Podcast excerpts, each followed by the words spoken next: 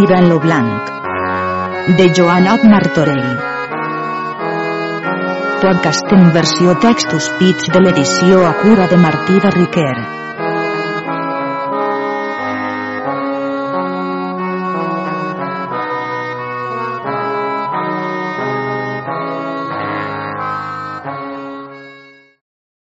Episodi 1.6 Part primera, tirant Anglaterra. Capítols del 74 al 97. Capítol 74. Com un cavaller nomenat Vilafermosa requerí de batalla tirant. Cavaller virtuós, la vostra inclita fama resplandeix per tot lo món de molta bondat i gentilea. Eh jo, o oh intacalla, so vengut de la mia terra deixant-lo servir de mon rei i senyor, aquell qui senyoreja l'Escòcia, e la causa de la mia venguda és per quan jo, departint un dia, per mos pecats, ap una senyora que té la mia ànima cativa, no em volgué admetre ma demanda ni prendre ma mercè, sinó que ap crueltat me dix que ja més me parlaria fins a tant jo hagués combatut i vençut en camp clos a tota ultrança aquell cavaller qui tanta glòria en aquest món havia sabuda guanyar. Eh per so com vos, tirant, sou aquell a qui ma senyora me remet, vos requir per l'orde que haveu rebut de cavalleria que em vulleu admetre la mia demanda a tota ultrança a cavall i a bacinet sens careta, les altres armes vos deviseu en la manera que ben vist vos sia, que puix jo he devisat l'una part, que vos deviseu l'altra, e açò us hauré amb molta gràcia. No tardar respondre tirant en manera de semblants paraules. Cavaller, a mi par que vostra demanda és més voluntària que de necessitat, e consell vos que la lleixeu per a temps de necessitat car batalla a tota ultrança és forte de mala digestió. E per quan jo no de ma persona, que les nafres que tinc no són beguarides, que per vostra bondat i gentilesa cerqueu altre cavaller, dels quals trobareu en aquesta pròspera cort anse de tanta virtut que us contentaran a tot lo vostre desig. Bé podria ésser lo que vos dieu dix lo cavaller, mas, què puc fer, que ma senyora no és contenta si no em combat a vos, e altri no vull sinó a vos? E si per temor de mort estau de no combatreus a mi, així davant la majestat del senyor rei vos ofir dar-vos una peça d'arnès d'avantatge, puix no sia l'espasa. Jo per salut de la vostra persona me volia excusar de no venir a batalla a vos dix tirant, però, puix tan men requeriu, no voldria pensar en los bons cavallers que per covardia ho lleixe de fer. Jo sóc contenta per l'ajuda de la divina bondat de lliurar-vos, e accepte vostra batalla requesta. Eh puix haveu començat de devisar l'una part de les armes, jo us done llibertat, ja si a mi pertanga, que vos les deviseu totes a tot el vostre. De la peça d'arnès que m'oferíeu donar, jo no l'acceptaria. Eh parme que en lo vostre parlar que trementina bullenta no us ha tocat. Ara puix som concordes de nostra batalla dix lo cavaller, vos, tirant, m'haveu a jurar a fer sagrament així, en presència de la majestat del senyor rei i de la senyora reina dels bons cavallers que així són, de no acceptar requesta de negun altre cavaller ne fer armes negunes, per so que lleugerament se podia seguir ser nafrato a lesiat d'algú de vostres membres la batalla per vos acceptada no pogués venir en aquella fi per mi tan desitjada. He tirant en presència de tots feu lo jurament. He dat compliment a tot, lo cavaller pres comiat del rei i de la reina de tots los de la cort, e tornassen en Escòcia. He suplicar a la reina d'Escòcia fos de sa mercè que li volgués assegurar lo me deixar venir la batalla fi segons era concordada entre ells. E la reina graciosament lo hi atorgà, de tenir-li lo camp segur dins quatre mesos après que la citació fos presentada, perquè tirant hagués prou temps de ser guarit. Senyor, tirant tramès aquell servidor qui tant de temps l'havia servit e sabia en sos secrets més que tot altre, e tramès-lo a casa de son pare i mare perquè li fallien los diners per posar-se en ordre de les coses necessàries per anar en Escòcia per fer la batalla. E confon el port de dobla per passar la mar, trobar allí tots los servidors dels quatre cavallers que tirant havia morts, qui estaven esperant una nau qui prestament devia partir, per passar en la terra ferma. Com se foren tots recollits, lo servidor de Tiram pres amistat a plos altres, e parlant dels quatre cavallers morts saber com l'u era rei de Frisa i l'altre son germà lo rei de Polònia, estigué molt admirat e pres molt gran alteració per l'amor del rei de Frisa, qui era son senyor natural, e començà a fer gran dol, lamentant-se de la sua desaventura, e a més que dels seus ulls abundants corrien, ap veu piadosa plorant d'ella. Oh triste desaventurat de mi! A quina mala sort m'ha portat que ap ajuda a mi assassí armat cavaller qui haja mort a mon senyor natural. Ves estada mala sort mia que a tal cavaller jo hagués a servir. Oh fortuna, e per què has permès que un tan excel·lent senyor com era lo rei de Frisa, mon senyor, que vassall seu, innocent de tal culpa, si ha estat participant en la sua mort dolorosa? Aquestes i altres semblants paraules adolorides e de molta compassió deia lo servidor de Tirant, qui es nomenava Maldonat, que tots los qui eren en la nau estaven admirats de les grans lamentacions que aquest pobre de Gentilon feia. He durat tant que pervengué a notícia d'aquell cavaller ancià qui era majordom dels quatre cavallers morts, qui estava dins la nau tancat en una cambra plorant sa desaventura. Ells que de la cambra Apton son doli apartar lo servidor de tirant a una part pregal molt que li digués de què feia tan extrem dol. Senyor dix lo gentilom, jo so vassall del rei de Frisa, e tinc pare mar en la sua terra, e de molt poca edat qui del seu regne passi per ma sorte per ma desaventura en Bretanya. Trobim en servitud d'aquest cavaller, que nunca jamés jo l'hagués conegut, per causa de jo ajudar-lo a armar e fer les banderes, les sobrevestes, e fer pintar los escuts i totes les coses necessàries per a la batalla desigual que un cavaller sol hagués a fer morir dos reis i dos ducs, en especial a Monsenyor natural, aquesta és la dolor que més m'atribula com pens que a pengan ho ha fet. Lo cavaller ancià, com veu així parlar lo gentilom, posal dins la sua cambra volgué saber tot lo fet com era passat, en averró i té tot lo que aquell deia, dis-li. Amic, prec-vos que si amau a vostre senyor natural que us n'aneu a mi i lleixeu lo servei de tirant el o gentilom, per la feltat, amor e voluntat que tenia a la pàtria d'on era natural, deixa d'anar en Bretanya. Com foren en la terra ferma nassent a plo cavaller, emperogué un home pagal bé, que porta les lletres de tirant en Bretanya. Com lo cavaller a plo criat de tirant foren arribats en la major ciutat de Frisa, trobaren tots los de la ciutat i del regne molt adolorits per l'amor de llur rei i senyor. E per la relació d'aquell del cavaller ancià vengué lo casa notícia d'un cavaller, qui havia non Leison de Montalba, lo qual venia de natura de gigants, qui era de molt gran estatura, molt fort i animós més que tot altre, e certament era un valentíssim cavaller. Lo qual dix en presència de tots que aquest fet no passaria sens condigna punició del mal cavaller tirant. He prestament ordenar una lletra e pres un rei d'armes qui havia non flor de cavalleria, e una donzella qui anà per parlar, e lo rei d'armes per obrar. Posaren serins una naue, ben acompanyats, passaren en Anglaterra. Com foren davant lo rei d'Anglaterra, la donzella veu esforçada cridant dix. Capítol 75 Com tirant font reptat de cas de tració per una donzella en presència del rei. O rei prudentíssim e de gran excel·lència, jo so venguda si davant la majestat tua per posar clame demanda contra un fals e reprovat cavaller, qui es fa nomenar tirant lo blanc, e los seus actes són ben negres, e si així és, vinga avant, que jo li diré com ell ap gran tració e maldat e a part més dissimulades e de gran engan amors a les seus falses mans a dos reis e dos ducs, e a son no un més complit. Com pot ser, doncs ella dix lo rei, lo que vos dieu. Que tirant a prop d'un any que és en la mia cor que no he vist ni sabut que tals coses ella ja fetes com vos l'incrimineu, en especial de cas de tració. Eren allí alguns parents de tirant que volien satisfer, el rei dix que callassen, que no permetria que negu i parlas.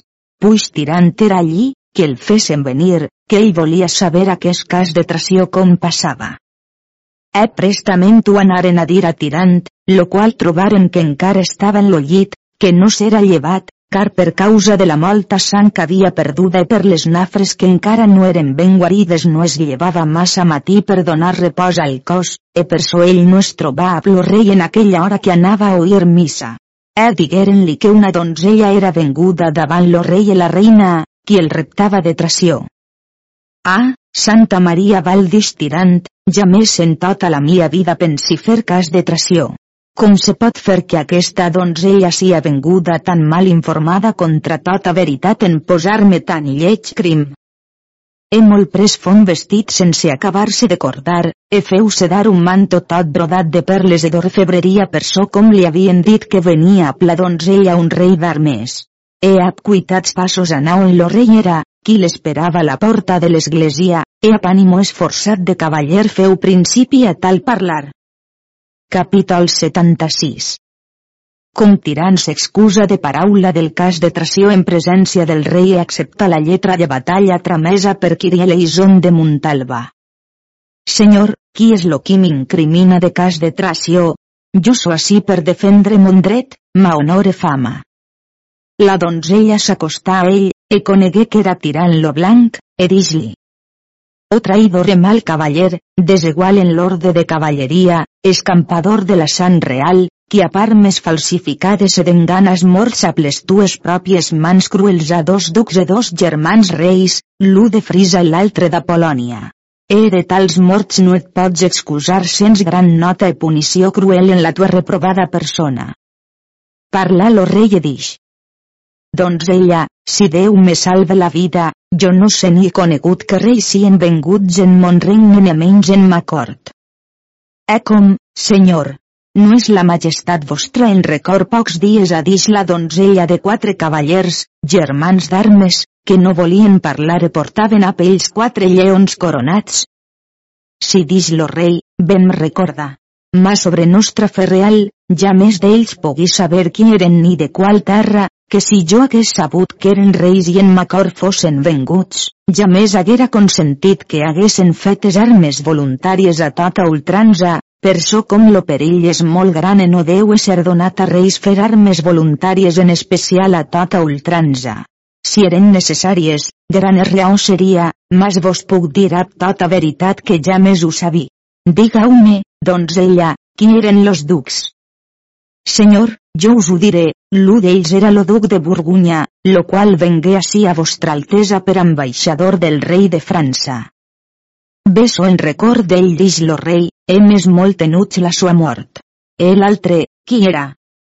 Dix la donzella. Fill era de l'emperador d'Alemanya i era duc de Bavera. El o traïdor de tirant apengant en maldat los amors a tots quatre, a aquelles mans de mal cavaller que ja més perdonen la mort a negu. Tirant no pogué més comportar que parlàs, sinó que ap gran ira dix. Doncs ella, no tinc altra dolor en aquest món sinó com sou dona, car si fósseu cavaller, així com sou donzella, jo us ne fera anar a ples mans al cap plorant. Em però jo pregaré a la mi ànima que no es vulla gens alterar de les paraules vils i deshonestes que deixa vostra vil boca ixen, car en lo vostre mal parlar jo no hi per res, com sabuda cosa és que tot l'esforç de les dones és en la llengua. però si així és aquell cavaller qui es fa nomenar Kirieleison de Montalbal ell diu de mi lo que vos haveu dit davant Monsenyor lo rei, podria ser, a l'ajuda de nostre Senyor Déu, jo el faré anar on etra més los altres en breu temps. Doncs ella, jo us prec per gentil a vos arregleu en vostre parlar i deixeu fer als cavallers a qui toca aquest fet. Après se gira tirant de vers los cavallers se dix. Si jo hem morts los quatre cavallers heu fet així com fer devia, sense engan ningú ni milloria d'armes.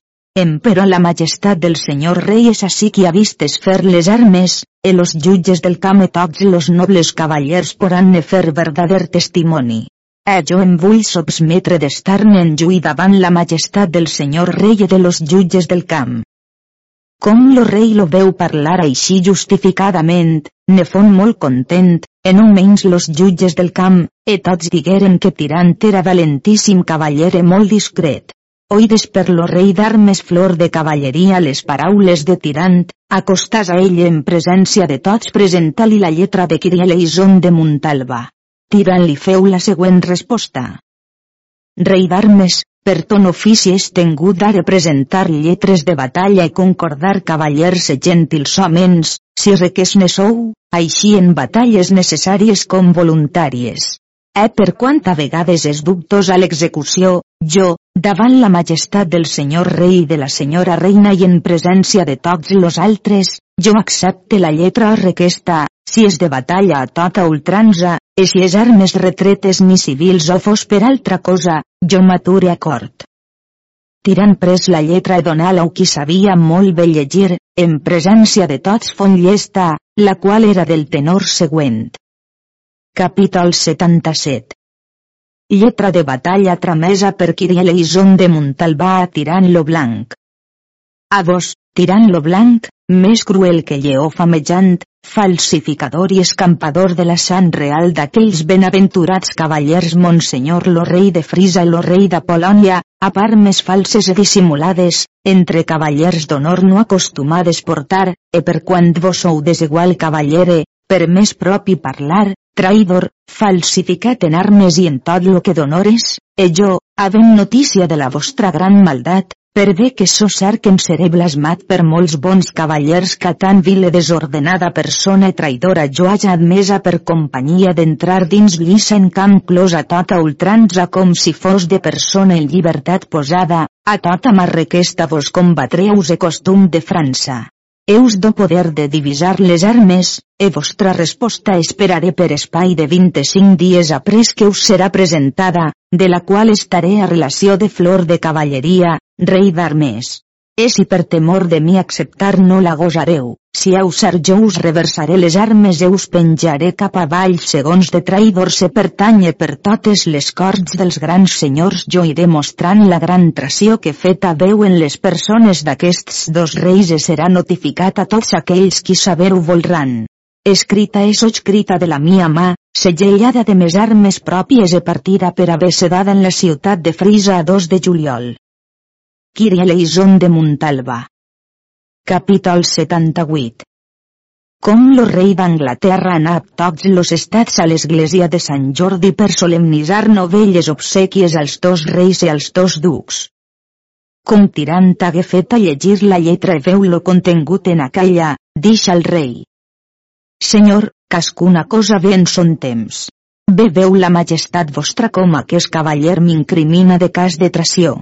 Jo me'n defendré fins a la mort te tindré la mia amor per ben espletada si ja més jo consentim i ginyí mal negu per als quatre cavallers.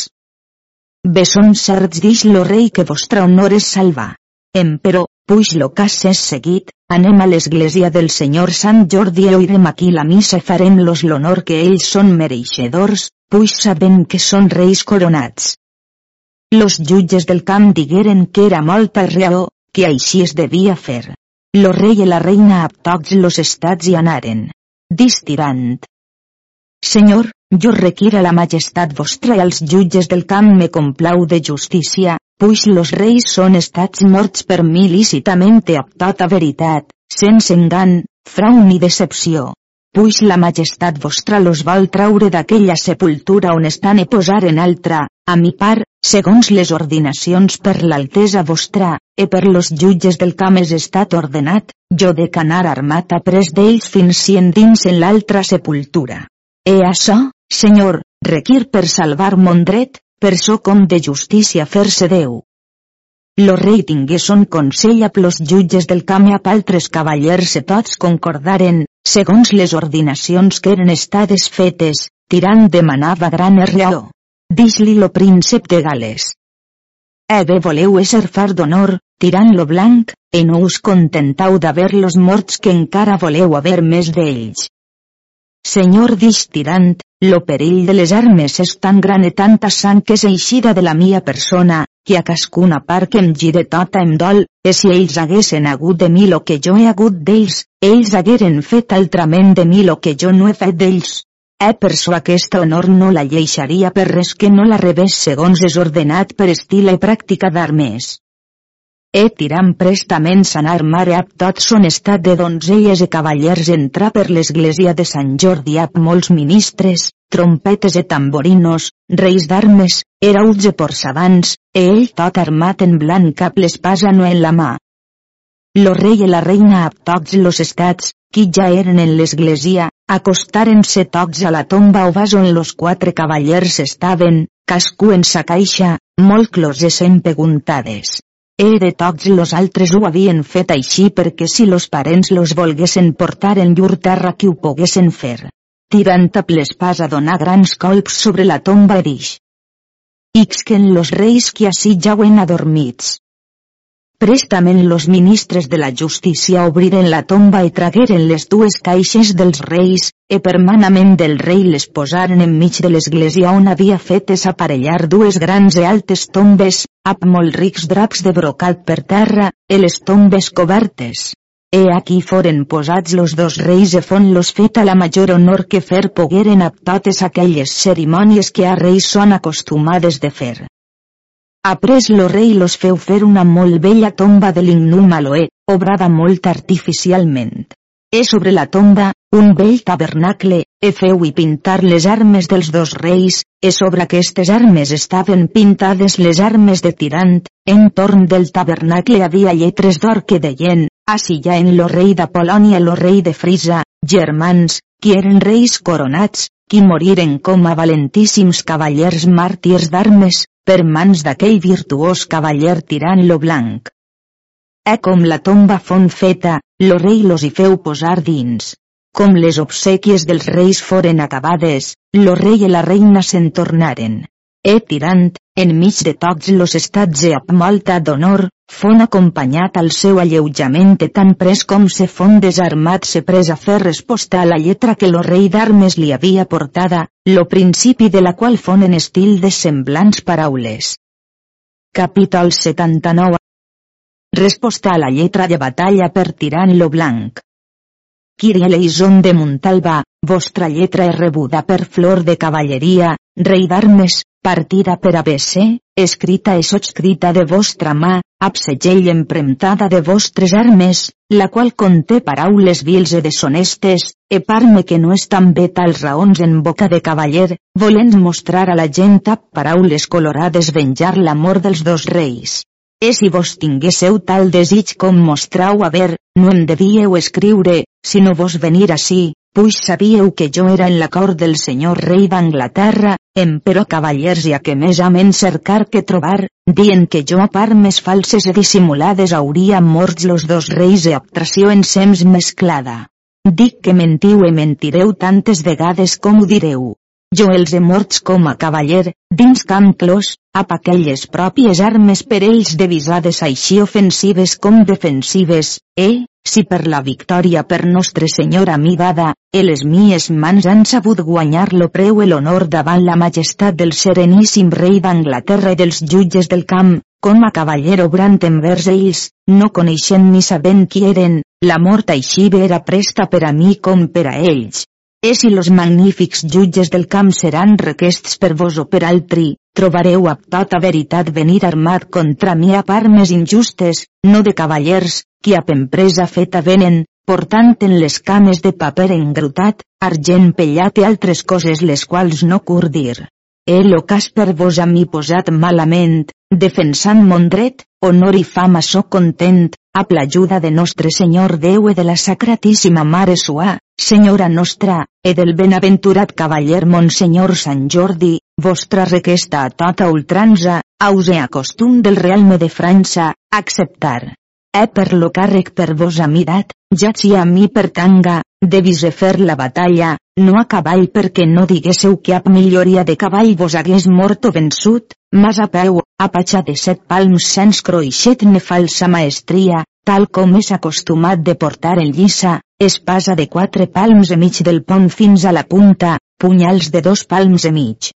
Pregant-vos no m'escrivísseu més, car no rebria pus lletra vostra, sinó que vinga-ho personalment en a procurador, e assegur-vos que no tindreu treball d'anar per les corts dels grans senyors ni de reversar armes, e de moltes altres deshonestats que són eixides d'aqueixa falsa boca. escrita de la mia mà, a plosegell de les mies armes empremtada, partida per ABC, en la ciutat de Londres feta 13 de juliol. Tirant lo blanc. Capítol 80 Com lo rei d'armes i la donzella se'n tornaren a la resposta de Tirant. Lo dia pres que lo rei d'armes presenta la lletra Tirant, hagué la resposta, e prestament partí a la donzella. E aplegats que foren en la terra ferma, prestament saber que Eleison de Montalbà com lo rei d'armes venia bona resposta, e desempatxar e posar-se en ordre de totes les coses necessàries. Com lo rei d'armes i la donzella foren aplegats, llegí la resposta, el dia següent pres comiat de tots los parents e parentes e partí de la sua terra molt ben acompanyat, el rei d'armes se'n tornà a pell, caminar tant per ses jornades per terra per mar fins que fon davant lo rei d'Anglaterra com hagué fet a reverència al rei i a la reina, demanar qual era tirant. Eh per lo rei d'armes, qui vestia lo manto que tirant li havia dat com li presenta la lletra, estimaven que valia passats tres mil escuts, el rei d'armes li dix. Senyor, aquest és lo qui em dona aquest manto que porté, en aquest doni la vostra lletra, e aquest l'accepta en feu resposta. Kiri Eleison anà un poc de vers tirant, e també tirant anà de vers ell abraçar el ser, mas no ha bona voluntat. Parla lo cavallere dix. Tirant, puix som concordes de nostra batalla, per mi requesta per vos acceptada, supliquem al senyor rei o aquells qui ho han de fer, que esta nit o per lo matí nos posen dins lo camp deixen complir nostres armes.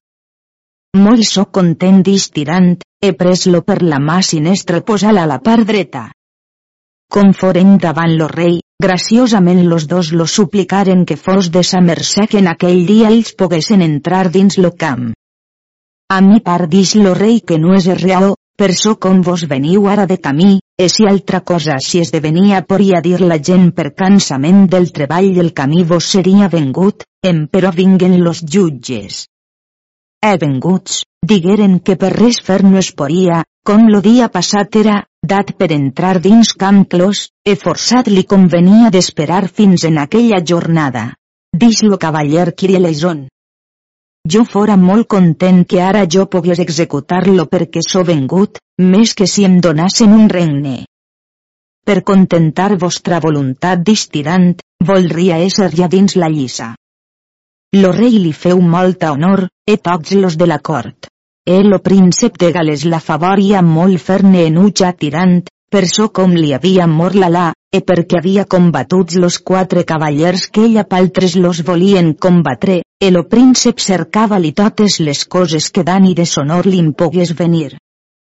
Lo següent dia Kirieleison suplica al príncep de Gales que anassen a la sepultura dels dos reis, que ell volia veure si res hi fallia. El o príncep, per contentar-lo, fon content d'anar. Com lo cavaller veu la sepultura estigué mirant, e veu los quatre escuts dels quatre cavallers, e sobre aquells veu los altres quatre escuts de tirant, los quals havia allí fets posar, com havia vençut a cascun cavaller, prenia lo seu escut e aquell del cavaller que havia vençut e de continent los feia portar a l'església de Sant Jordi com a navals al prior de l'església per a quan ell tornàs en sa terra los fes posar en la sua capella per a ver aquella mundana glòria. Kyrie Eleison conegué prestament les armes de son senyor i del rei d'Apolònia i dels ducs, llançà dels seus ulls abundants llàgrimes, e amb grans crits se lamentava de l'amor de son rei i senyor, e tanta font la dolor cagué de l'amor de son senyor que cuitadament anà per despenjar los escuts de tirant, e tant era gran que aplamà i basta. He pres los ap gran era llançals per terra, e los altres lleix allí penjats. E anant així plorant, veu en lo tabernacle les armes de son senyor pintades e, sobre aquelles, les armes de tirant, e a de tan grans colps que quasi mitges mortidlon llevar lo príncipe los altres que allí eren. Com fon retornat, obrí lo tabernacle e veu son senyor en lo punt que estava, e pres l'intanta de dolor, mesclada ap extrema ira, que la fel li esclata aquí de continent morir. És certament, senyor, si ell no fos mort en la forma que morí, no s'excusava una mala jornada, car sabuda la nova per tirant, del gran ultratge que lo cavaller li havia fet en los escuts, prestament nos fom armats tres-cents homens, tots a parnès blanc, ap tirant. El o príncep forçadament tenia d'ajudar a Kirieleison, e així es fora mesclada tota la gent que hi fora morta en afrada molta gent d'una part d'altra. E segons, senyor, que oïte recitar, aquest Kirieleison era molt amat favorit per lo rei qui era de Frisa, e li havia dat molt de sos béns, e ultrasol havia fet visre de tota la terra. E aquest tenia un altre germà que no era menys afavorit del rei de Polònia, el un germà estava a plun rei i l'altre estava a l'altre. E com lo germà de Kirieleison sabé que son germà era posat en gatge de batalla per venjar l'amor dels dos reis, amb molta dolor e conguixa se partida Polònia per anar on era son germà. Com fon en frisa demanar de son germà, e sabent no va certa com pocs dies havia que era passat en Anglaterra per combatre's a tirant lo blanc, e sense altre deliber partir per anar a la mar.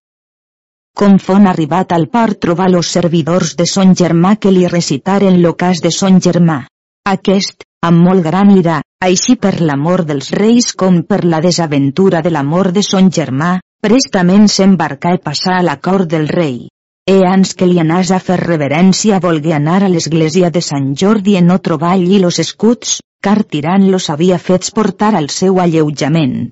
Com aquest cavaller veu que no hi eren, feu sa oració, après mirar la sepultura dels reis i dels ducs, el lloc on havien posat son germà, contínuament llançant dels seus ulls vives llàgrimes, lamentant-se de la llur gran desaventura. Partís d'aquí anar a fer reverència al rei i a la reina, e demanar prestament de tirant, lo qual en aquell cas estava parlant a punes dames. Com tirant saber que aquell cavaller lo demanava, deixa les raons de les dames i anar prestament davant lo rei. Lo cavaller, qui el veu, feu principi a tal parlar. Capítol 81 Com Tomàs de Montal va requirir de batalla a Tirant per venjar l'amor dels reis i l'amor de son germà. Tirant, jo so vengut ací per venjar l'amor d'aquell virtuós cavaller Kirieleison de Montalba, germà meu, e per dret d'armes refusar no em deveu, e aquella, per aquella requesta que mon germà vos volia combatre, aquella mateixa vos combatre a tota ultranza sense afegir-ne llevar-ne res. Cavaller respost tirant, la vostra requesta seria dita voluntària no necessària, e tal batalla no hauria lloc ni los jutges la lleixaren venir a la vera fi d'ultranza. Parlau de vostra boca lo que dir de veu, car jo us assegure, si lo preu és honor, que en breu vos sereu servit de tot lo que demanau. Tirant, a mi par que jo us he prou dit per venir a la vera pràctica de cavallers, majorment veus així la lletra que mon germà vos feu la resposta per vos feta, ab segell de vostres armes segellada. Tot lo que en aquestes lletres se conté, a ultranza vos ho combatre. Estrenyeu la batalla distirant no us poseu per les rames, que tot lo que dit haveu no hi basta, car de vostra pròpia boca ho haveu a dir, altrament no acceptaria vostra requesta. Jo so persona conjunta a Kirieleison de Montalba, e sens dir tantes rondalles, e no abundar en paraules, dic, com a gran traïdora veu morta mon sobiran rei i senyor lo rei de Frisa e son germà lo rei de Polònia, qui graciosament m'havia criat, e per aquest cas de tració vos ofir, com a requeridora ultranza, executadora de mort, no pugam fallir l'u a l'altre, mesclant-hi l'amor del meu bon germà, qui jo tant amava. He donar fi en son parlar. Distirant.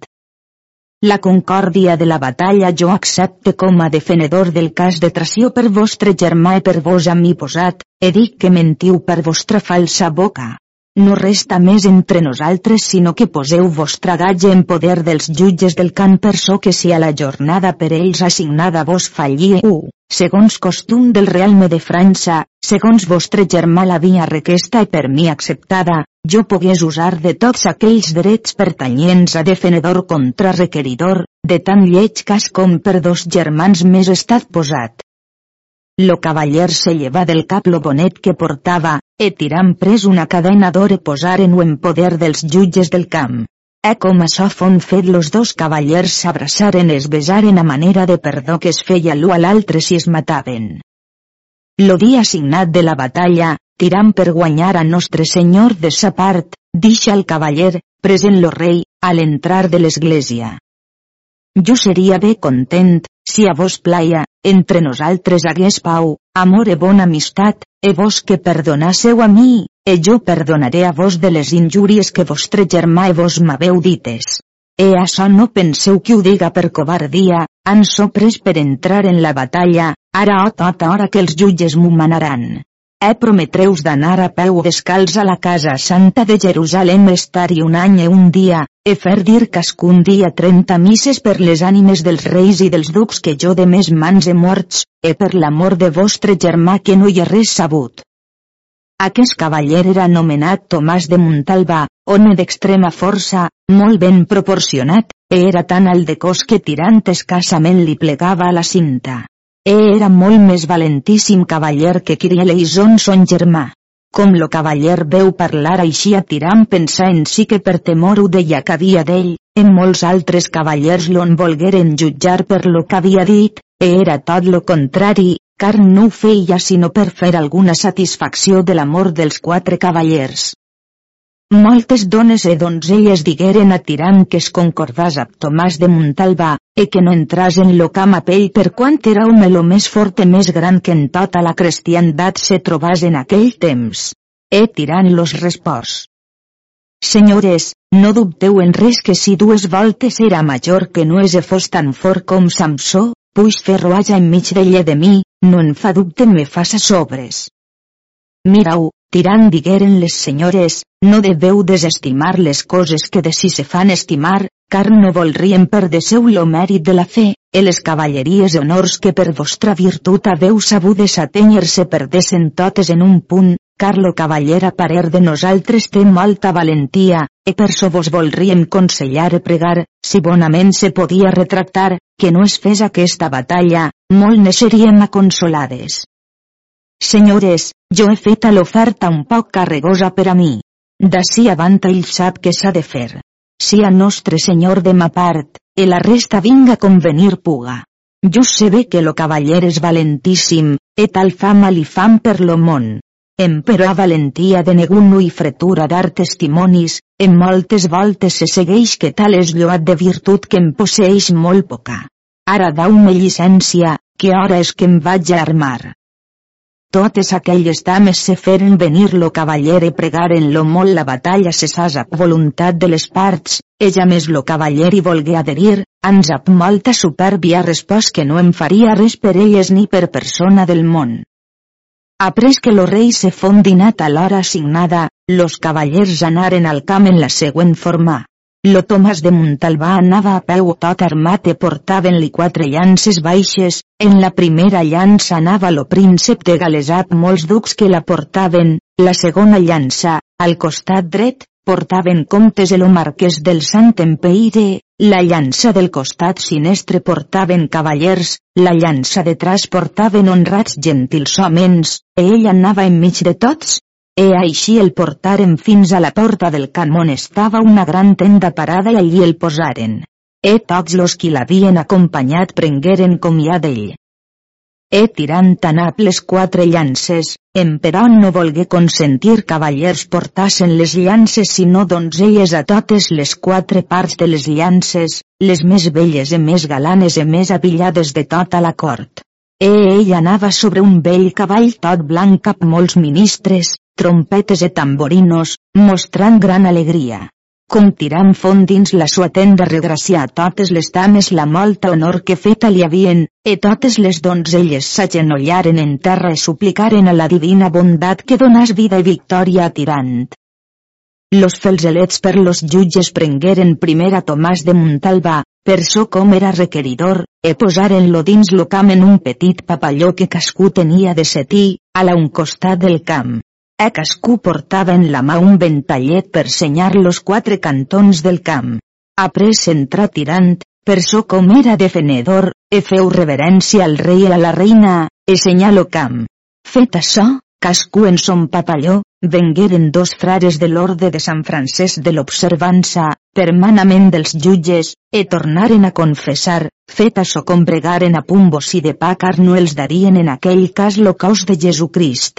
Après que los frares foren partits e fora de la lliça, vengueren los jutges e pregaren molt al cavaller qui era requeridor volgués perdonar injúries que fetes li haguessen, era sol lo pregava lo rei ells.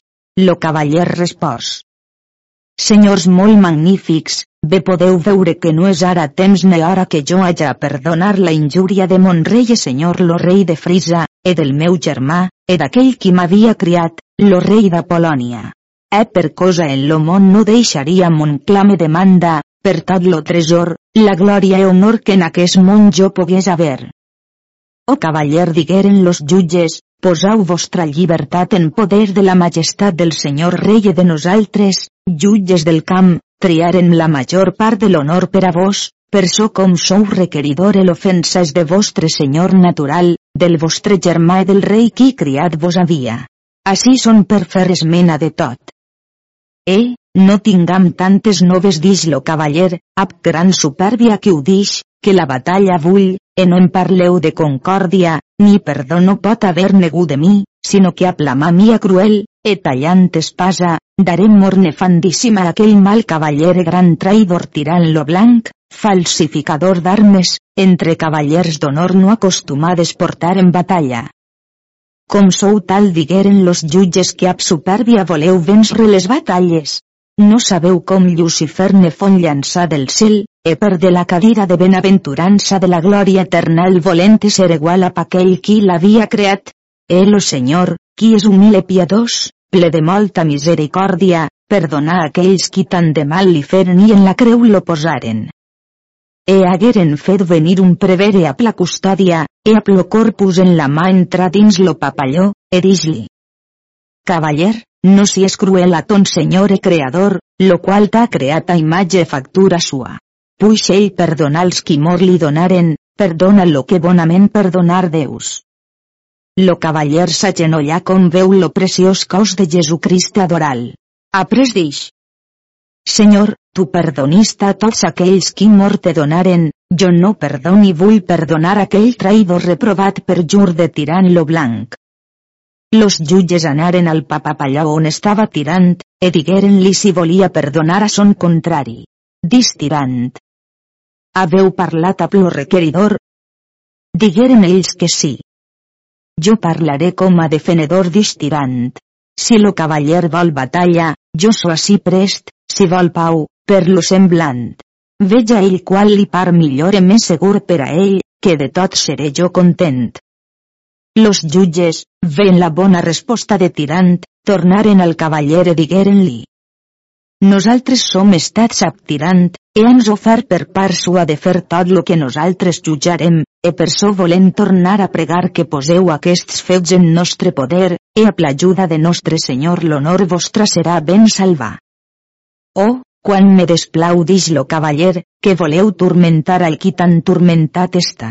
Prou paraules haveu despès, e com més ne direu més en vales despendreu. Dix-lo dels jutges.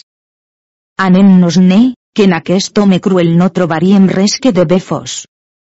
Partiren-se los jutges malcontents del cavaller.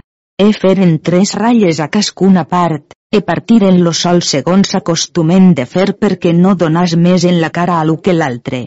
Fet això, los jutges pujaren en son cadafal, e toca una trompeta e feren crida per tots los quatre cantons de la lliça, no fos negu gosàs parlar, tossir, senyalar, sots pena de mort. E feren fer tres forques fora de la lliça. Com tot això fon fet, la trompeta tocà, llevaren los papallons e posaren los cavallers en la primera ratlla.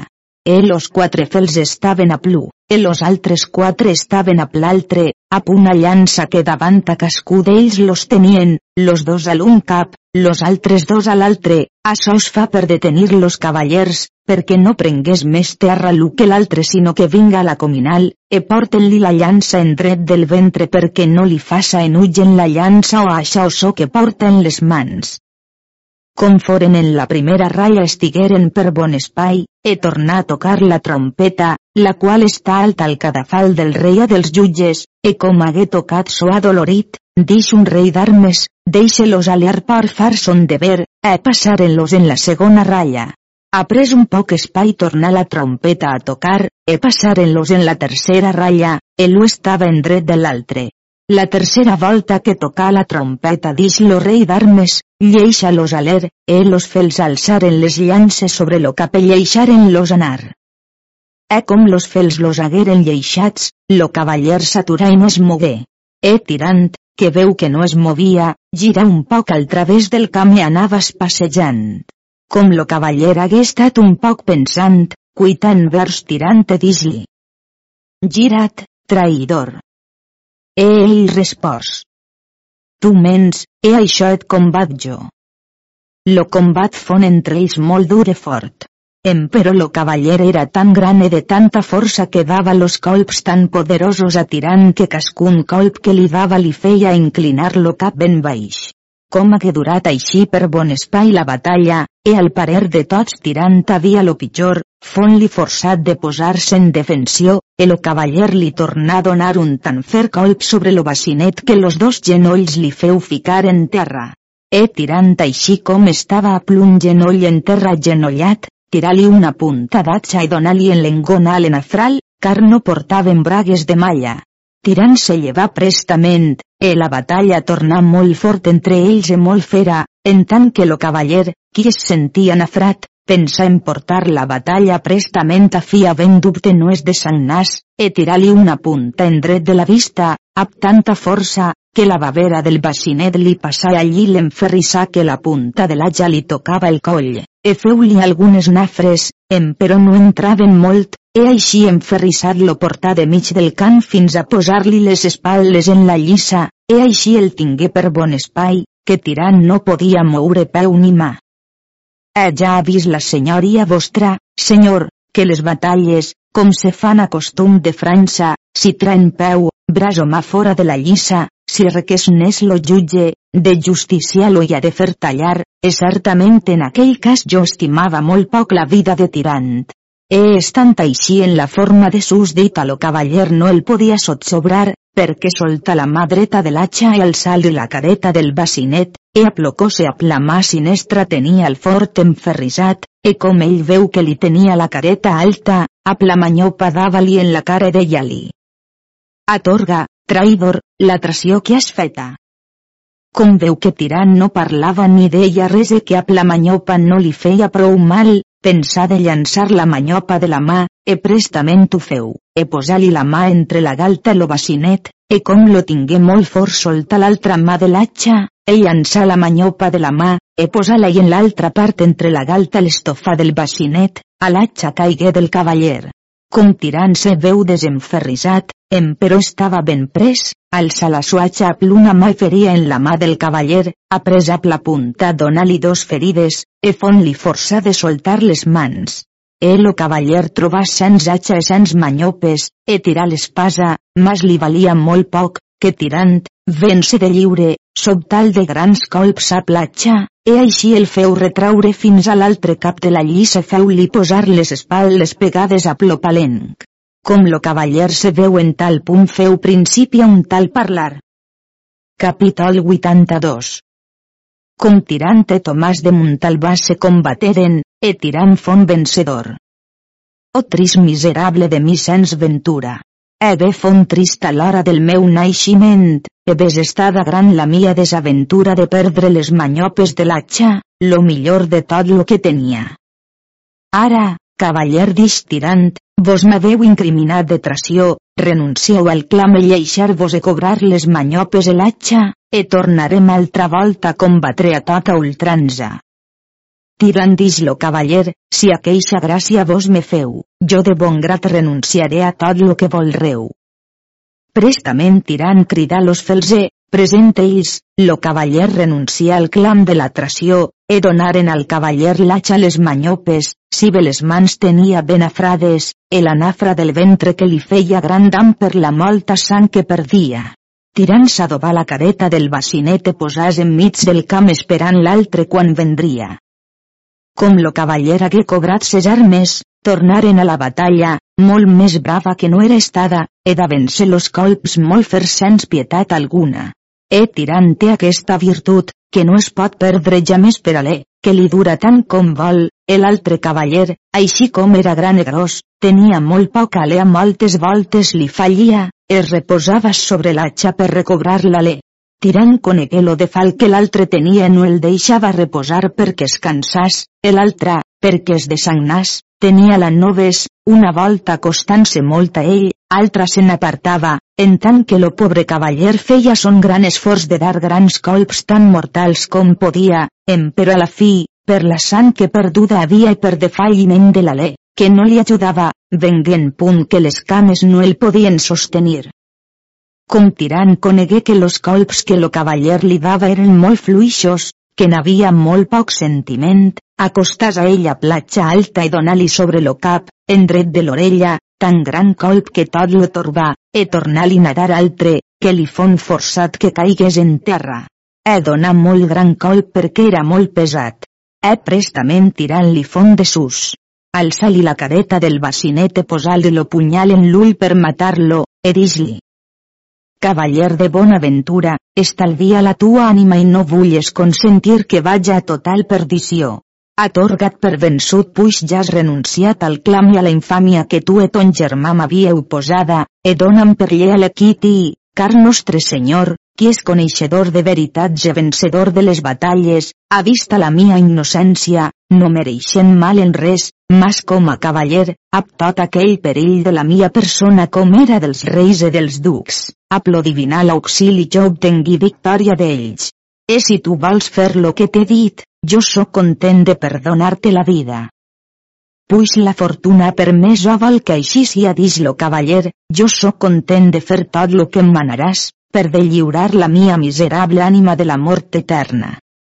Tirant cridar els fails, en presència d'ells se desdigué del lleig cas de tració que posat li havia, e als notaris del camp ne feu llevar acte.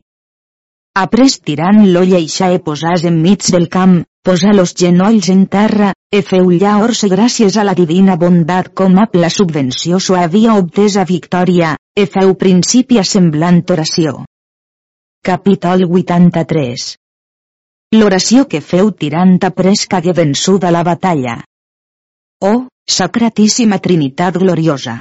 Ador que genolls ficats, besant aquesta terra, que així com aquell qui sou un Déu, un Senyor, un Creador, del qual reben tots benefici, que et sia dada honor, glòria i benedicció, ara en per tos temps, amén.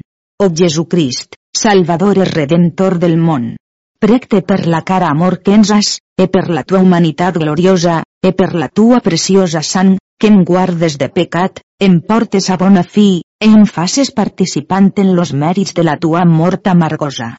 Faste, Senyor, infinides gràcies de les moltes honors que m'has fetes em fas cascun dia, no sent-ne jo mereixedor, com jo sia un gran pecador, mas per la tua infinida misericòrdia i pietat m'has volgut de lliurar d'aquest perill, e de tots los altres. Perquè et plàcia, per los mèrits de la tua sacratíssima passió, me vulles dar victòria contra tots los meus enemics, puix m'has dat he posat en l'orde de la cavalleria, me faces gràcia que puixca mantenir aquella honor i glòria tua, en augment de la santa fe catòlica, en no permetes, Senyor, que en negun temps me puga allunyar de tu, perquè puga venir a la fi perquè sóc creat. O Immaculada Verge, Reina de Paradís, advocada dels pecadors. O vera consolació mia. Grandíssimes gràcies te fas, e al teu gloriós fill, de la victòria i honor que obtesa d'aquesta batalla de totes les altres. Verge digna, no em desempars en negun temps, perquè puga lloar beneir lo teu gloriós fill a tu per tos temps. Amén. Capítol 84 Contragueren amb molta honor a tirant, e donaren sentència de traïdor contra l'altre cavaller. Finida l'oració, tirant se llevaien al rei, e als jutges, e suplicals lo complisen de justícia. E los jutges davallaren al camp e feren prendre al cavaller a les primeres lo feren portar fins a la porta de la lliça sens negunes armes ofensives, e tirant anava après d'ell cara per cara, e tirant a l'espasa alta en la mà. Com foren a la porta de la lliça, aturaren aquí lo cavaller e feren-lo desarmar, e a cascuna peça d'arnès que li llevaven la llançaven sobre lo palenc, e caia fora de tot lo camp. Com fon del tot desarmat, los jutges donaren sentència, donant-lo per fals i deslleal, de vençut de perjure de fementit, a l'esquena que tenia girada de vers la porta, e així a revers lo feren eixir primer que a negu, e així el portaren fins a l'església de Sant Jordi, ap molts improperis que los fadrins li feien, e tirant tos temps anava après d'ell. Com foren dins l'església, un porçadan pres un bací d'estany, e ap aigua molt calenta li donà per lo capé per los ulls, dient. Aquest és aquell cavaller desdit e vençut e fementit. Après vengué lo rei a tots los estats e dones e donzelles, e tirant anar a cavall, armat així com estava i acompanyaren-lo fins a l'apartament del rei. Allí lo desarmaren les donzelles, e los metges curaren-lo, e vestís un manto de brocat forrat de marcs gebelins que el rei li donà, e feu-lo sopar a pell. Après sopar li feren moltes danses, qui duraren tota la nit fins prop del dia. Après, senyor, que lo cavaller vençut fon guarit, més se afrare en un monestir de l'observança de Sant Francesc. Après pocs dies partim a llicència del rei anam en Escòcia a per fer-li honor al dia de la batalla. E per lo rei d'Escòcia i per la reina nos fon feta molta honor. La reina, la qual era jutge de la batalla i del camp, com ells foren dins la lliça per fer les armes, veu que lo seu cavaller portava lo bacinet ap milloria ap gran frau, no es volgué lleixar combatre sinó un poc, en no lleixar venir la batalla a fi. Vejam, senyors, vosaltres cavallers entesos en honor i en les armes, tirant, en presència del rei i molts nobles senyors i cavallers, feu jurament solemne de no entrar en batalla ni emprendre fer armes negunes fins a tant que aquesta batalla fos venguda a fi. E tirant de tot això fon contenta així ho jurau promès. Après vengué Kirieleison de Montal va requerir de batalla incriminant-lo de cas de tració. A qual d'aquests dos devia primer córrer, al jurament que fet havia, present los bons cavallers, o el cas de tració que li posaren Kirieleison son germà, moltes raons s'hi poden fer d'una part i d'altra, la determinació d'eixer als bons cavallers d'honor. Senyor, què diré a la senyoria vostra de tirant? En onze camps de lliça tota ultrança és entrat de tots és estat vencedor, sens altres que n'ha fet, qui eren armes retretes. Senyor dis dia febus, jo hauré nutjada la senyoria vostra en tantes raons que he explicat. Lo sopar es preste tirantes majordom esta vegada. Après lo sopar diré a la senyoria vostra l'or de fraternitat que lo senyor rei d'Anglaterra establit. Quasi és ressemblant a l'orde de la taula redona que lo bon rei Artús en aquell temps complí de fer. Diafebus dix l'ermità, molt estic consolat de l'estil de vostre gentil he avisat parlar, e de tota la pràctica que en l'estil de les armes és servada, en especial del famós cavaller tirant lo blanc, qui tantes bones e virtuoses cavalleries en molt gran jovent ha fetes. E certament jo em tinguera per lo més benaventurat cresquia del món si tingués un fill així virtuós e complit de tantes bondats i en l'orde de cavalleria tan sabent, e si ell viu poran dir serà lo segon monarca. Acabant l'ermità les darreres paraules, vingue tirant amb molta humilitat al pare ermità genoll en terra li dix mereixedor de molt més honor, si a la senyoria vostra era plasent d'acceptar un petit sopar d'aquests mos senyors que si són germans meus, molta seria la gràcia que la senyoria vostra nos faria a ells i a mi. Lo virtuós senyor, practiquen tota gentilea, ab cara molt afable se lleva e dix. Per bé que a mi no s'hi ha donat això de fer, jo per contemplació i amor de vosaltres ho faré. E tots ensems anaren a pres de la lúcida font on trobaren moltes taules parades, e asseguts, donada la benedicció per lo pare ermità, foren servits de viandes singulars en tanta abundància com si pròpiament fossin dins una gran ciutat, per so com tirant hi havia sabut proveir. Aquella nit passaren amb molt gran plaer parlant de moltes cavalleries que en les honrades festes eren estades fetes, les quals si totes havia de recitar no hi bastarien deu mans de paper. Emperò lo dia següent, com l'ermità font davallat de la sua cel·la, que havia acabat de dir les hores, tirant a plos altres ix que eren-li a l'encontre, e tots li feren gran reverència de genoll faent-li molta honor e ell molt graciosament los regracia la molta honor que tots li feien. Assegueren-se en la verte florida praderia, així com fer havien acostumat. l'ermità los a amor gran a pregar que ell pogués saber com era estada instituïda aquella fraternitat que per lo rei son senyor ara novament era estada feta.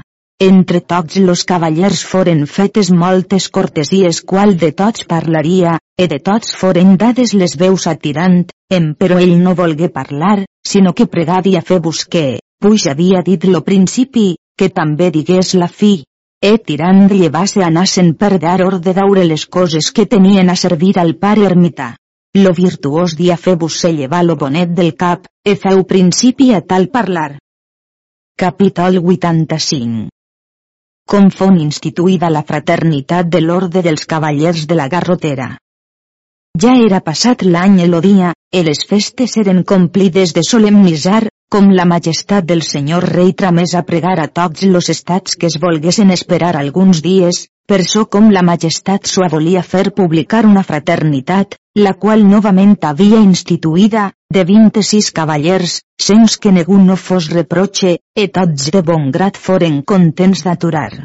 E la causa i principi d'aquesta fraternitat, senyor, és estada aquesta tota veritat, segons jo aquests cavallers així són havent de recitar per boca del senyor rei mateix, com, un dia de soles que es feien moltes danses, el rei havent dansat resta per reposar al cap de la sala, e la reina resta a l'altre cap a ples sues donzelles, e los cavallers dansaven a ples dames, e fon sort que una donzella, dansant a punt cavaller, aplega fins en aquella part on lo rei era, e, al voltar que la donzella feu, caigué-li la lliga cama de la calça, e al parer de tots devia ésser de la sinestra cama, e era de simolsa.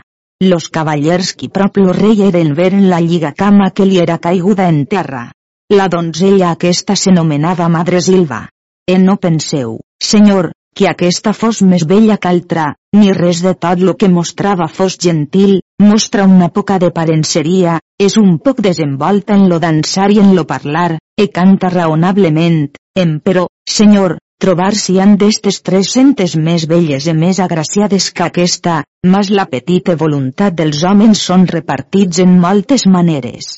Un cavaller d'aquells qui estaven prop del rei li dix.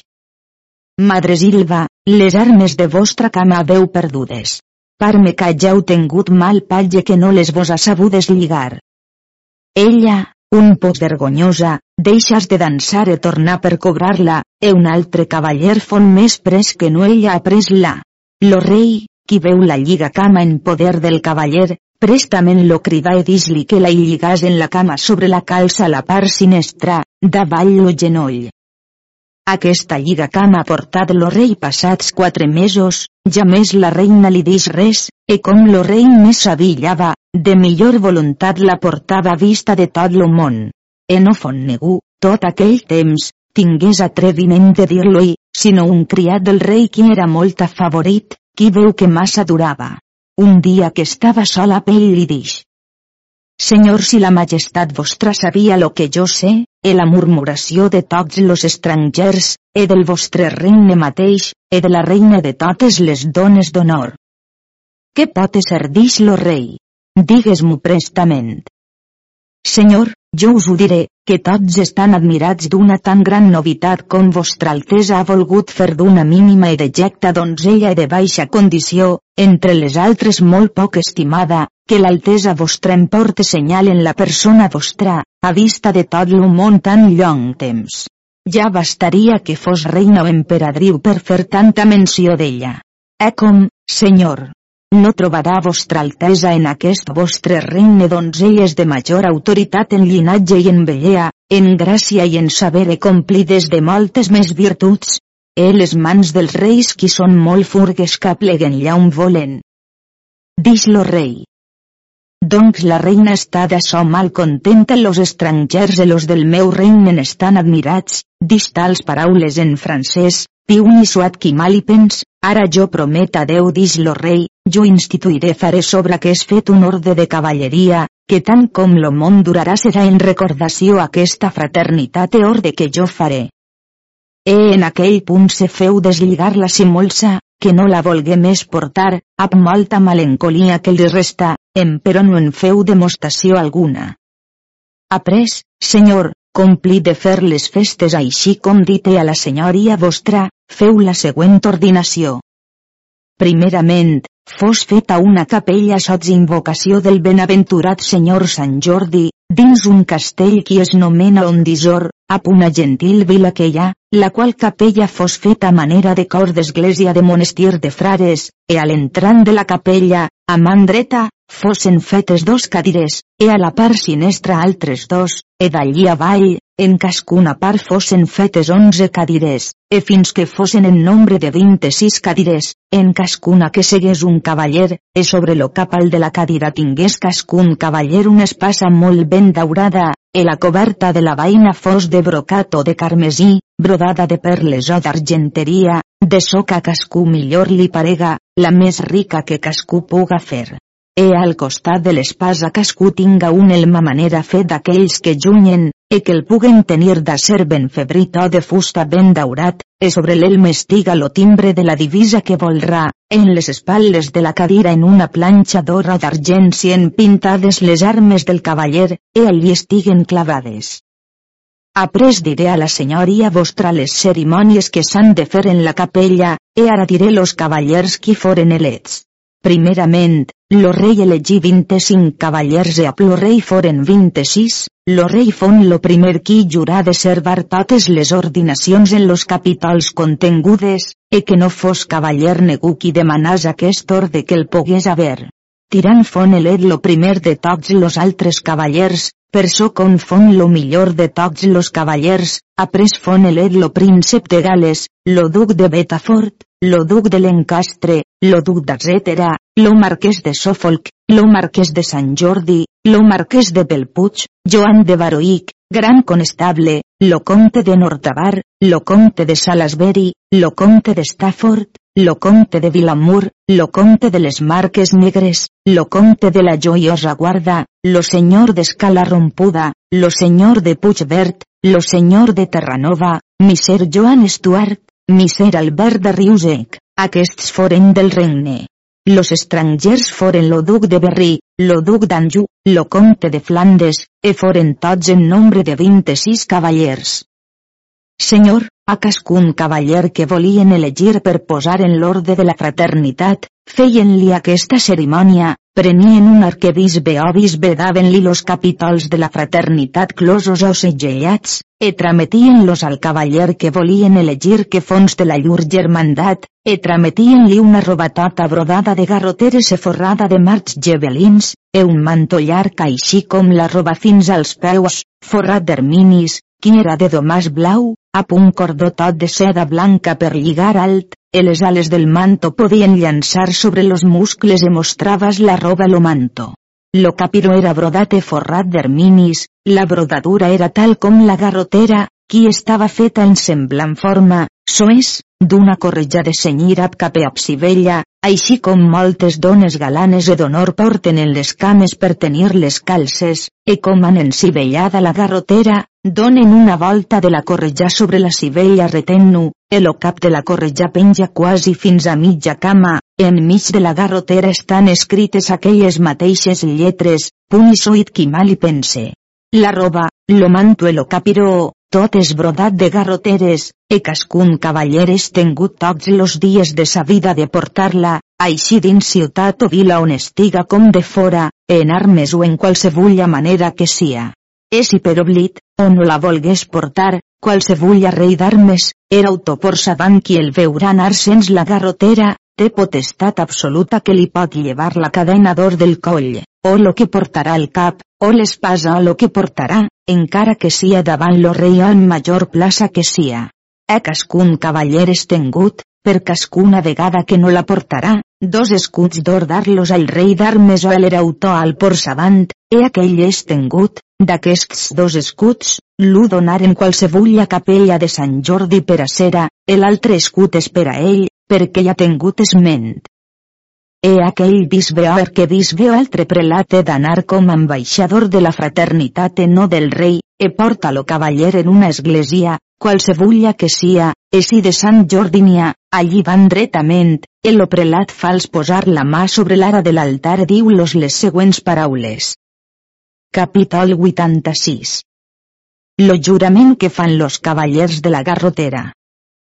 Vos, cavaller, qui haveu rebut l'orde de cavalleria, és heu tengut en opinió de no ser reproig entre los bons cavallers, jo sotra més així per ambaixador de tota la fraternitat d'aquell pròsper orde del benaventurat senyor Sant Jordi, que per aquell jurament que fet haveu, que tendreu totes les coses secretes e que per via directa o indirecta, de paraula o per escrit, no ho manifestareu. El o cavaller promet per virtut del jurament, complir e servar totes les coses de sus dites, e donen-li los capítols. Après que els allests, si els accepta, agenolles en terra davant l'altar o imatge de Sant Jordi, e amb molta honor i reverència rep l'orde de la fraternitat. E si acceptar no la vol, a tres dies d'espai de pensar-hi, e diu o pot dir, la mia persona no és disposta per a rebre un tan alt orde com és aquest, ple de molta excel·lència i virtut torna a cloure los capítols, escriu dins son nom, e així els torna a trametre per l'ambaixador als de la fraternitat. Capítol 87 Los capítols de la fraternitat són aquests. Lo primer és, si no s'és cavaller creat en armes, no puga ser de la fraternitat de l'orde del benaventurat senyor Sant Jordi. Capítol 88 D'això mateix, lo segon és de ja més desnaturar-se de son rei en natural senyor, per molts mals e dans que li faça. Capítol 89 D'això mateix. Lo terç és d'ajudar, emparar a dones viudes, pubils i donzelles, si requés serà, posar-hi tots los béns, entrar en camp clos a parmes o sense armes, e ajustar gent, parents, amics o benvolents, dar combat o combats en viles o ciutats o castells si era castal senyora d'honor fos presa o detenguda per força. Capítol 90 D'això mateix. Lo quart és, qualsevulla cavaller que en armes se trobarà, així en mar com en terra, no fugirà per molts enemics que vaja. Bé es pot retraure, tornant atrás a placar davant los enemics, no girant a calla, e si girava la cara cauria en molt lleig cas de false de perjur, llançant-lo de la fraternitat, desagraduant-lo de tot l'orde de cavalleria, faent un home de fusta amb mans, braços i peus, armant-lo de totes armes, donant-li baptisme, e posant-li son propi nom en la desagraduació. Capítol 91 D'això mateix, lo cinquenes, si lo rei d'Anglaterra prendrà empresa per anar a conquistar la Terra Santa de Jerusalem, en qualsevulla estat que lo cavaller nafrat estiga, o de qualsevulla altra malaltia, si ha tingut de venir per mar a la nostra fraternitat, per so com la conquesta de Jerusalem pertany a mi, qui so rei d'Anglaterra, e altri no. Capítol 92 Les cerimònies que los cavallers de la garrotera fan, com tots són ajustats en l'església de Sant Jordi on és lo cap de l'orde. Aquests són los capítols que trameten a cascun cavaller. E la garrotera que li trameten és molt rica, ornada de diamants i robins, e d'altres pedres fines. Si accepta la garrotera i vol ser de la fraternitat, un dia d'aquella setmana fa gran festa per tota la ciutat o al lloc on està, he vist aquelles robes, cavalca sobre un gran cavall tot blanc, si haver-ne poden, e tota l'altra gent van a peu entorn d'ell, e així van per tota la ciutat fent mostrar, e van a fer oració a l'església de Sant Jordi, si n'hi ha, si no en altra, amb dues banderes, l'una de les pròpies armes l'altra de la sua divisa. D'aquí avant, lo rei lo nomena germà d'armes o comte, qui vol tant dir com germà d'armes. Si negu d'aquests cavallers és dins l'illa d'Anglaterra, és tassa de la sua persona, és tengut de venir en aquell castell on se fa aquella fraternitat, e si és fora de l'illa encara que no hi vinga no s'hi donen res, e si és dins l'illa no hi ve, ha de pagar 10 marcs d'or, e tots han a ésser distribuïts en cera. El o rei ha donat, senyor, de renda tots anys en aquesta fraternitat 40.000 escuts, e serveixen per això que us diré, primerament per a fer aquelles robes e mantos per a vestir als cavallers de la fraternitat, e per a menjar la vespra el dia de Sant Jordi, que si té de fer molt solemne festa. Diré a la senyoria vostra les cerimònies que es tenen a fer en l'església, la vespra del sant, tots los de la fraternitat han de ser allí a les robes de sus dites, e tots a cavall tenen anar fins a la porta de la capella, e no té anar altri a cavall a pells, que tota l'altra gent té d'anar a peu, e com seran descavalcats, tenen anar fins al peu de l'altar tots vintes i s'agenollaran per fer oració, sens que no tenen a fer del rei ells diferència neguna, sinó que cascú s'assega en sa cadira. Com serà l'encensar, seran dos preveres o bisbes, si en aquell cas n'hi haurà, el guirà per l'una part de les cadires i l'altre per l'altra, e tots en un temps que donen los encens, e per semblant a la missa, l'oferta a la pau.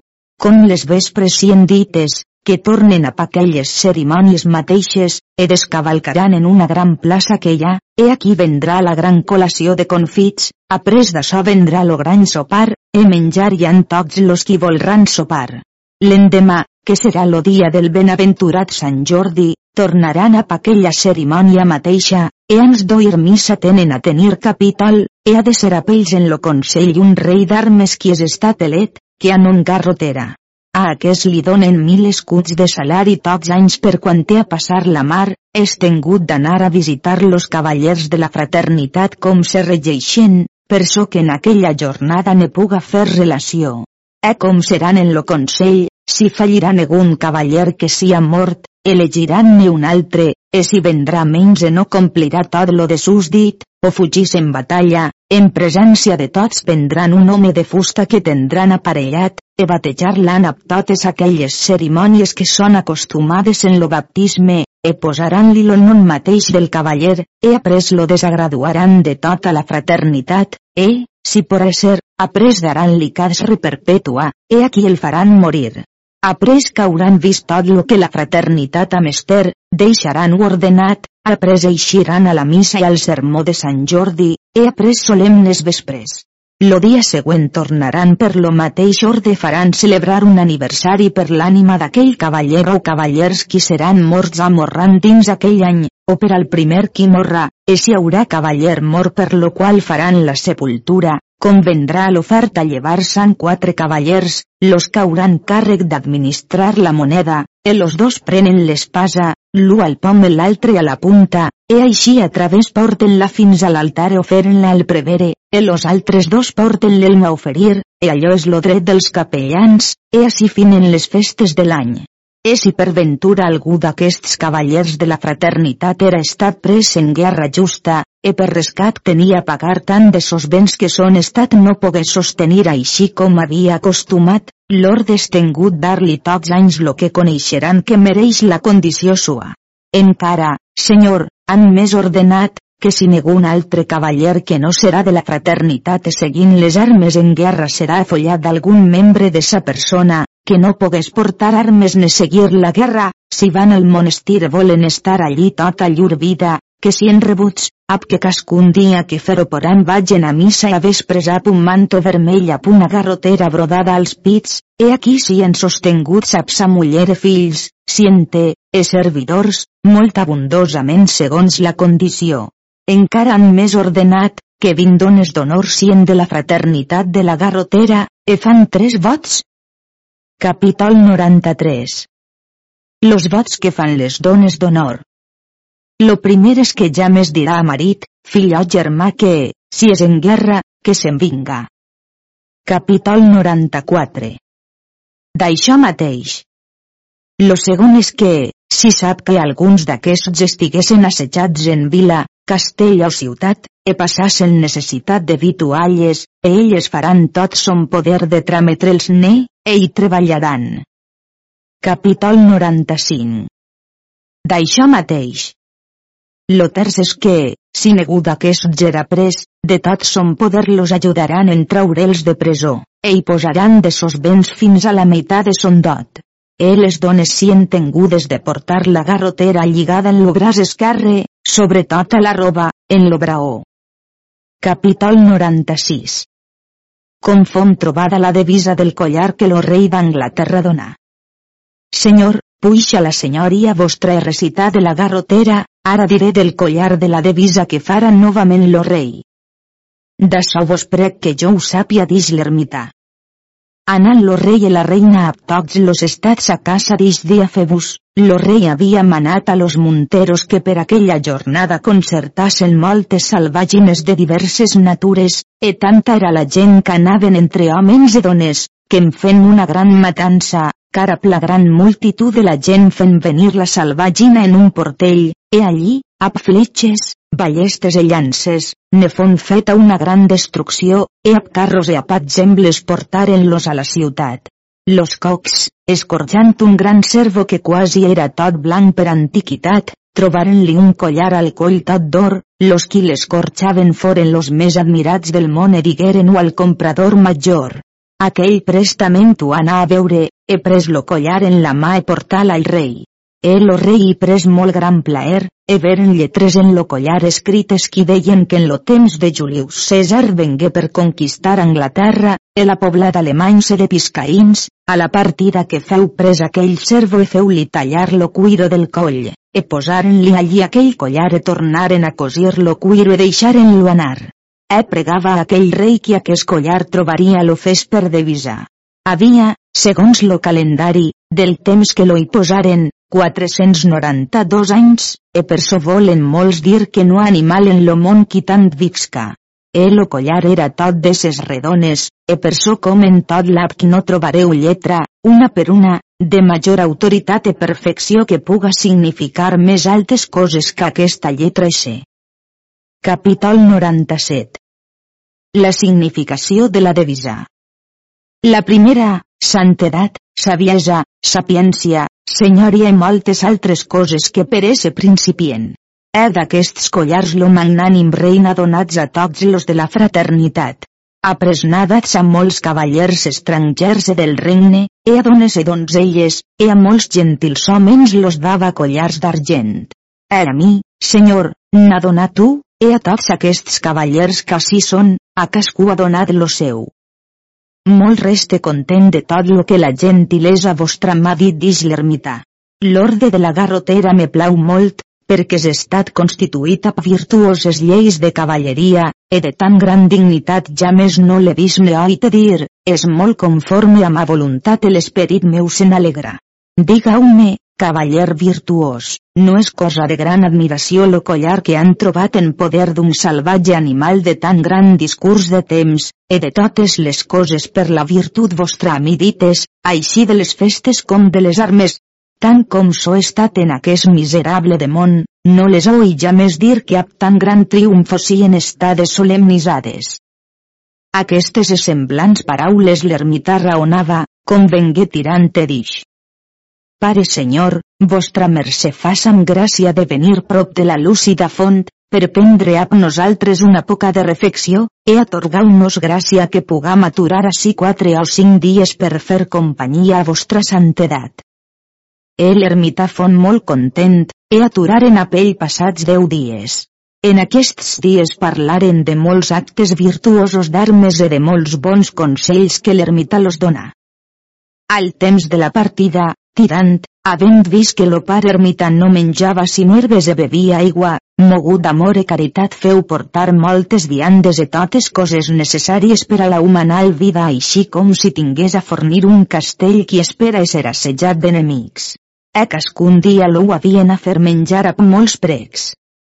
Lo dia que tenien de partir, tirant a tots los altres amb molt amor lo suplicaren que volgués restar aquella nit en una tenda d'aquelles per so com ells volien partir de matí i no partirien que ell no els donàs la benedicció.